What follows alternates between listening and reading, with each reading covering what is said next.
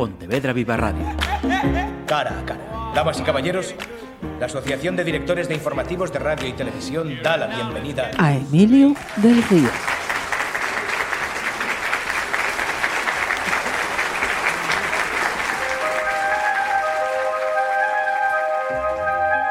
El comienzo de todo. ¿Qué había al principio de todo? En la mitología clásica, al principio de todo solo existía una oscuridad absoluta llamada caos. A partir de este caos surgieron Gea, la tierra, el tártaro, el abismo subterráneo y Eros, no el dios, sino el concepto del amor. Gea es especialmente relevante porque es la que tiene la descendencia. Todo proviene de la Madre Tierra. Qué símbolo tan hermoso. Más adelante, la palabra caos ha pasado a significar confusión, desorden, mientras que cosmos significa todo lo contrario, orden. Pero inicialmente, caos designaba una especie de agujero negro, como se ha descubierto que existen, por cierto. Gea y Urano. Gea también conocida como Gaia, es una de las diosas primordiales de la mitología clásica. Personifica la Tierra y es considerada como la madre de todos los seres vivos. Ella engendró por sí misma a Urano, con sus mismas proporciones, a las montañas, deliciosas moradas de los dioses, a las ninfas, que habitan en los boscosos montes, y al Ponto, mar de agitadas olas. Urano es el dios que personifica el cielo estrellado y es engendrado, como relata el escritor griego Hesíodo, para que él la envolviera por todas partes y poder ser sede siempre segura de los felices dioses. Del cielo viene la lluvia que nos da la vida.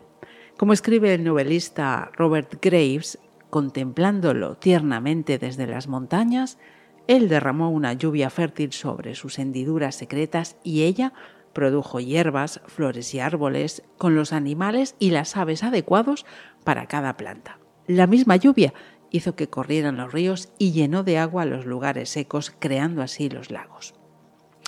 Es uno de los relatos más fascinantes de la mitología. Gea y Urano representan la armonía de las fuerzas de la naturaleza simbolizan la relación entre la tierra y el cielo, la fecundidad y la fertilidad. Son el origen de la vida. Sin ellos no habría nada. De la unión de Gea y Urano nacieron los seis titanes: Océano, Ceo, Crío, Hiperión, Jápeto y Crono. Asimismo surgieron las seis titánides: Tía, Rea, Temis, Nemósine, Febe y Tetis.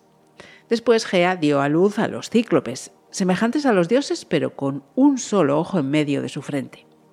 Nacieron también los Hecantónquiros, que, como su nombre indica, Hecatón es cien y Keiros es mano. Eran unos monstruos que tenían 50 cabezas y 100 brazos cada uno. El mito de la sucesión. Pero el mito también refleja los conflictos que hay en la vida entre ellos, la lucha por el poder. Urano, temiendo el poder de sus hijos, en cuanto nacían, los volvía a encerrar de nuevo en el vientre de Gea, de la diosa Tierra, hasta que ésta, harta ya de la crueldad de Urano y de que sus hijos estuvieran atrapados y no pudieran salir, además de que estaba muy dolorida por tenerlos dentro, se dirigió a ellos. Esto no puede continuar así, hijos. Tenéis que liberaros. No se puede permitir que Urano os encierre al nacer. ¿Quién me ayuda a acabar con esta situación? Crono levantó la mano. Madre Tierra, cuenta conmigo. Vale, toma esta hoz y córtale los genitales. Luego arrójalos al mar. Y eso hizo Crono. Y de la espuma que surgió del agua al caer en el mar los genitales de Urano, nació la diosa Afrodita la diosa del amor y de la belleza, de la que hablaremos más adelante. Mientras que de la sangre de Urano, que cayó a la tierra, nacieron las erinias, que eran unos terribles espíritus que vengaban los delitos de sangre. También nacieron los gigantes, seres colosales pero mortales que protagonizarán la gigantomaquia. Este mito, terrible, simboliza la separación del cielo y la tierra, Antes estaban unidos, pero la castración de Urano representa la división de ambos. Es también una muestra de que la violencia existe desde el origen del mundo. Tenemos que trabajar para evitarla. Tenemos que educarnos para combatirla, pero la violencia y el mal existen. La condición divina es una metáfora de la condición humana. Crono, que se había casado con Rea, se hizo con el poder y se convirtió en el nuevo líder de los titanes, pero temía que le pasara lo mismo que a su padre Urano. Así que lo imitó, pero con más crueldad, porque devoraba a sus hijos nada más nacer de Rea para evitar que se rebelasen contra él y lo destronaran. Demeter, Hera, Hades, Poseidón, a medida que nacían, se los iba comiendo a todos. A Crono, los romanos lo identificaron con un dios muy antiguo que ellos tenían que se llamaba Saturno, por eso sus mitos se entremezclan. El famoso cuadro de Goya, Saturno devorando a sus hijos, es una de las más célebres representaciones de este mito. En griego, Cronos significa tiempo, de ahí vienen palabras como cronómetro o cronología. Este mito no es sino una metáfora terrible del tiempo que todo lo devora, implacable. Zeus y Crono. Cuando nació Zeus, Rea lo apartó y en su lugar le dio a Crono una piedra envuelta en pañales que se tragó sin dudarlo. Mientras tanto, ocultó a Zeus en una cueva del monte Ida, en la isla de Creta, donde fue cuidado amorosamente por las ninfas. La mitología tiene geografía. Es algo que iremos viendo a lo largo del libro. Es una de las grandes diferencias con los cuentos, que no tienen localización. Pero, como todos los bebés, Zeus lloraba sin cesar, así que las ninfas, preocupadas, se dirigieron a Rea. Zeus no para de llorar a pesar de que le alimentamos con la leche de la cabra maltea. ¿Qué podemos hacer? ¿Qué hizo Rea para que Crono no oyera el llanto de Zeus y no se diera cuenta del engaño? Llamó a los curetes, cuyo nombre en griego significa hombres jóvenes, y les dijo, Poneos ahora mismo a golpear vuestras armas contra los escudos cuando hagáis vuestras danzas guerreras, y gritad mucho. No sé si has visto alguna película de esas de indios y vaqueros, donde los indios realizan un ritual similar antes de la batalla. De hecho, los guerreros de antiguas culturas también solían danzar y cantar a viva voz antes de la batalla. Lo cuenta Emilio del Río en el libro Calamares a la Romana. Más tarde, cuando Zeus alcanzó la edad adulta, rescató a sus hermanos. Para ello, convenció a Metis para que le suministrara a Crono una droga que le hiciera vomitar a los hijos que previamente había devorado, y así sucedió. Crono expulsó de su estómago a los hermanos de Zeus. Seguro que te viene a la mente el cuento del lobo y los cabritillos en el que el cabritillo que se había escondido ayudó a su madre a sacar del vientre del lobo a los que éste había devorado. Se trata del mismo motivo presente en el cuento popular. Entre el mito y el cuento hay diferencias, no son lo mismo, pero también similitudes. Se desencadenó entonces la batalla contra Crono, en la que Zeus y sus hermanos recibieron la ayuda de los cíclopes y los hecatónquiros. Por otro lado, los titanes tomaron partido por Crono, todos los titanes apoyaban a Crono excepto Prometeo, que ayudó a Zeus. De ahí que esta formidable y larguísima batalla se llamara Titantomaquia. Finalmente, Zeus y sus hermanos vencieron a los titanes, que fueron encerrados por Zeus en el Tártaro, la parte más profunda y oscura del inframundo, bajo la vigilancia de los hecatónquiros. Crono había destronado a Urano y Zeus a Crono, es el conocido mito de la sucesión, que representa el cambio generacional y el triunfo del orden de los dioses olímpicos sobre los antiguos gobernantes nacidos de Gea, que representaban las oscuras fuerzas telúricas. Telus, en latín, significa tierra. Gea, indignada con Zeus por haber encerrado a sus hijos en el Tártaro, incitó a los gigantes a rebelarse contra él. Esto dio lugar a otra terrible guerra llamada la Gigantomaquia en la que vencieron de nuevo los olímpicos liderados por Zeus, armado con su terrible rayo y protegido por la piel de la cabra maltea.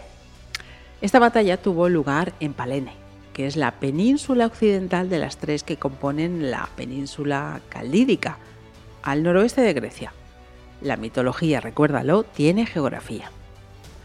Aunque daban una inmensa batalla que Zeus debía librar antes de imponer el orden, en este caso contra el gigante Tifón, otro de los hijos de Gea. Era un gigante enorme, más alto que las montañas y espantoso. de su cuello salían 100 cabezas de serpiente. Su aspecto provocaba un pánico descomunal en todos, incluso en los dioses.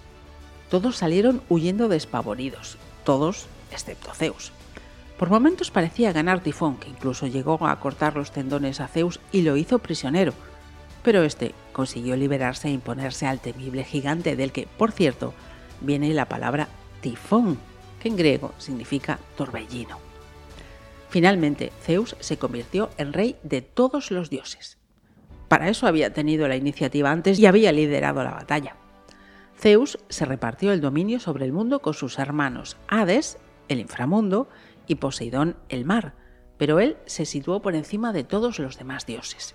Zeus y sus hermanos se habían convertido en los nuevos gobernantes del universo y establecieron la sede de su reinado en el monte Olimpo, de donde viene lo de los dioses olímpicos, precisamente porque vivían en el Olimpo. El Olimpo se encuentra al norte de Grecia y es el monte más alto del país. La mitología tiene geografía, es decir, todos los lugares en los que se desarrollan los mitos, donde nacen y viven los dioses o los héroes, tienen su correlato en nuestro mundo. El mito simboliza el triunfo del orden y la estabilidad de los dioses olímpicos sobre el caos inicial. Al principio era el caos, pero al final se impuso el orden. Así empezó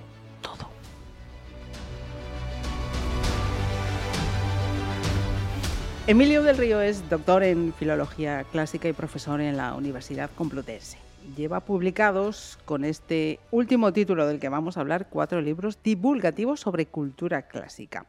De esa cultura versa la sección que lleva en el programa de Radio Nacional No es un día cualquiera y también hace un podcast para esta radio pública titulado Locos por los Clásicos. Así que lo primero de todo, tras esta presentación, Emilio del Río, muchísimas gracias por este tiempo que nos dedicas. Marisa, gracias a ti por hacerme un hueco con, con vosotros. Es un honor.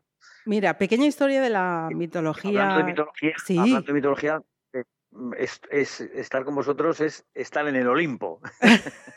bien, bien, bien. Pequeña historia de la mitología clásica. Es el libro que estás promocionando y que ya os digo es totalmente recomendable para el público infantil y para el público adulto, lo cual, Emilio, es otra virtud eh, tuya, ¿no? Saber enganchar a todo ese rango de lectores tan amplio? Bueno, en efecto, esta pequeña historia de la mitología clásica que está editado en Espasa es un libro que está pensado para, para todos los públicos y de todas las edades. Como digo yo, es de cero a 100 años. ¿no? Es un libro de divulgación, es un libro que pretende acercar de una forma divertida, amena y asequible la mitología clásica a, a todos los lectores insisto, de todas las edades. El libro está maravillosamente bien editado, con ilustraciones a todo color de Julius, que es gallego, vive en Vigo, y con un papel, en fin, que huele a papel, y no solamente por, por, la edición del libro, por esas ilustraciones a todo color, merece la pena el libro. Luego yo creo que el contenido no está mal, ¿no? Está muy bien, es mucho, mucho. Y que, y que acerca ese mundo fascinante, tan atractivo, eh, tan, tan hechizante de la mitología clásica ¿no? a, los, a los lectores. he intentado eh, explicar de una forma, como digo, ¿no?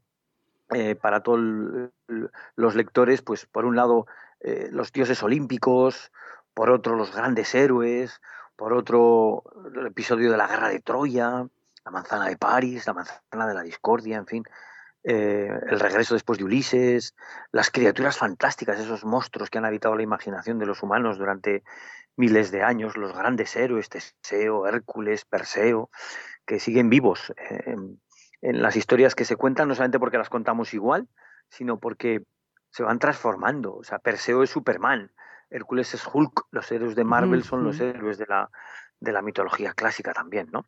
Bueno, y, como digo, de una forma eh, divertida, amena y rigurosa también, porque eh, lo serio no es lo contrario de divertido. Como decía Chesterton, lo contrario de divertido es aburrido. Hay que decir que este título forma parte de esa colección Pequeña Historia de, eh, pues que recopila eh, hitos históricos y que eres el número 10. Que es un número redondito que se muy bien y como decías además con un ilustrador Julius que en esta colección para quienes habéis acercado a títulos anteriores ya os resultará oh, conocido. Tenía también otra, otra cuestión. Saber, conocer la cultura clásica es evidente que nos ayuda a saber de dónde venimos prácticamente en todo, Emilio.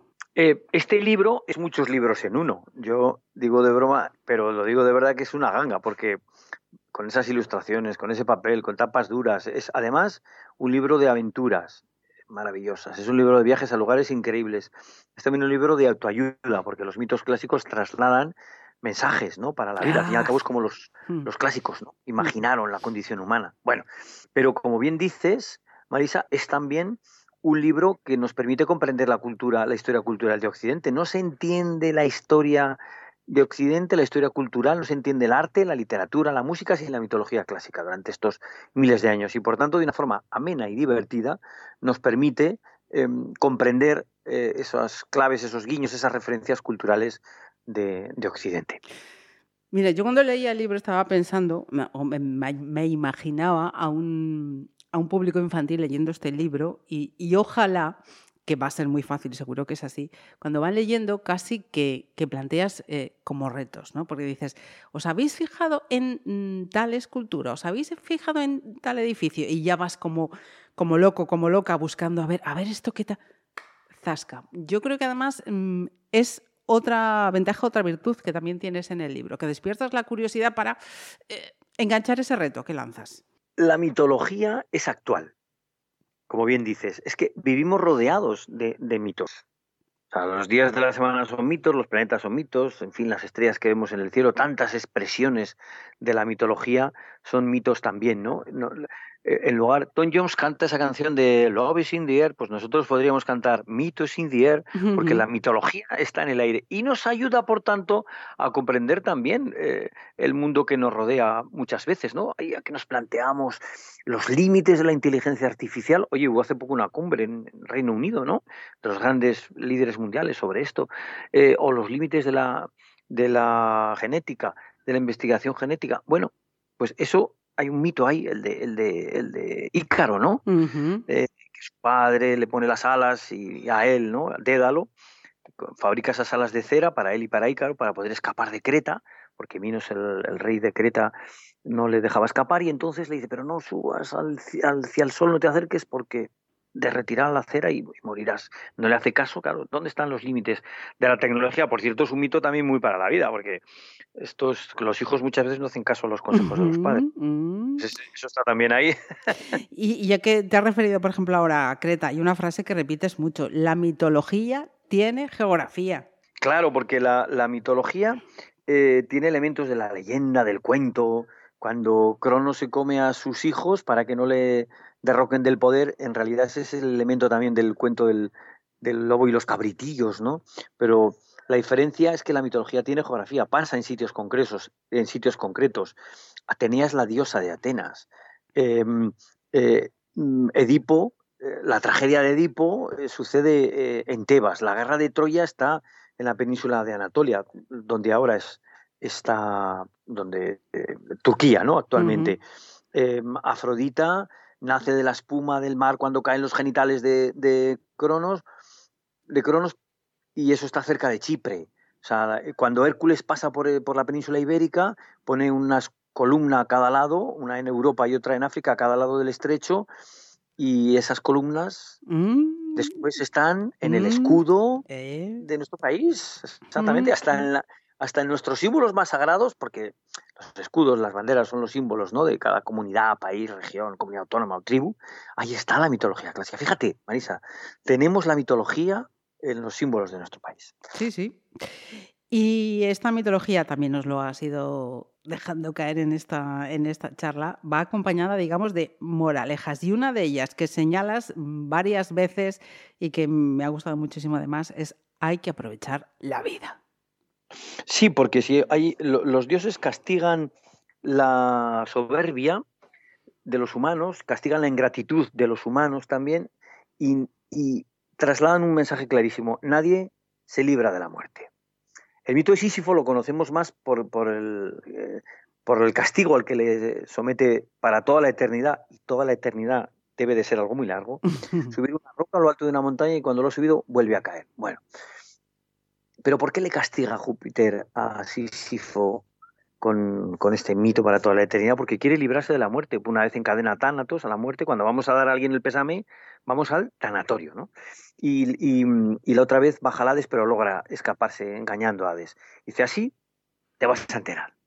Y le castiga durante toda la eternidad ese castigo tan famoso, ¿no? El del mito de Sísifo, empujando esa roca, que además es tan actual porque ahora, no sé, has vaciado la bandeja de correo electrónico y la vuelves a tener llena otra vez a, a, a, las dos horas, ¿sabes? O sea, es que dices, pues es que son de una actualidad, son todo un símbolo de lo que nos pasa, ¿no? De, de, de, del correo electrónico y de tantas otras cosas. Pero ¿por qué le castiga? Porque dice, es que no hay ningún humano que escape a la muerte. Por tanto, por tanto, hay que aprovechar la vida. Eso no uh -huh. quiere decir estar de botellón, ¿eh? Eso quiere decir, sí, como sí. dicen los Monty Python al final de la vida de Brian, busca el lado positivo sí. de la vida. Y, y, oye, Emilio, que me hacía mucha gracia cuando lo leía, qué peligro tiene el ansia viva, ¿eh? Bueno, es que yo digo que Mota es un filósofo más que un humorista. Cuando José Mota habla de la ansia viva, a los humanos nos, nos come la ansia viva, nos cuesta mucho y cada vez más ¿no? tener paciencia y perseverancia. Y esto nos lo enseña también la mitología clásica, que hay que tener paciencia y perseverancia, sí. Pues un libro para aprender y divertirse muchísimo de la primera a la última página, incluidas eh, la, las tapas, lo que hay de, cuando abrís la tapa y cuando cerráis, pues hasta esos mapitas son, son de muchísima ayuda. Emilio, muchísimas gracias muchísimas por estos gracias, minutos. Gracias y, y espero que los lectores, bueno, estoy seguro que los lectores de la pequeña historia de la mitología clásica en Espasa lo disfrutarán. Gracias. Pontevedra Viva Radio ¿Me permiten que les haga un comentario como espectadores del programa Cara a Cara? Según un reciente sondeo de mercado, ustedes disponen de estudios e inteligencias superiores a la media. Sus intereses abarcan desde la actualidad mundial y la ciencia hasta el deporte y los espectáculos.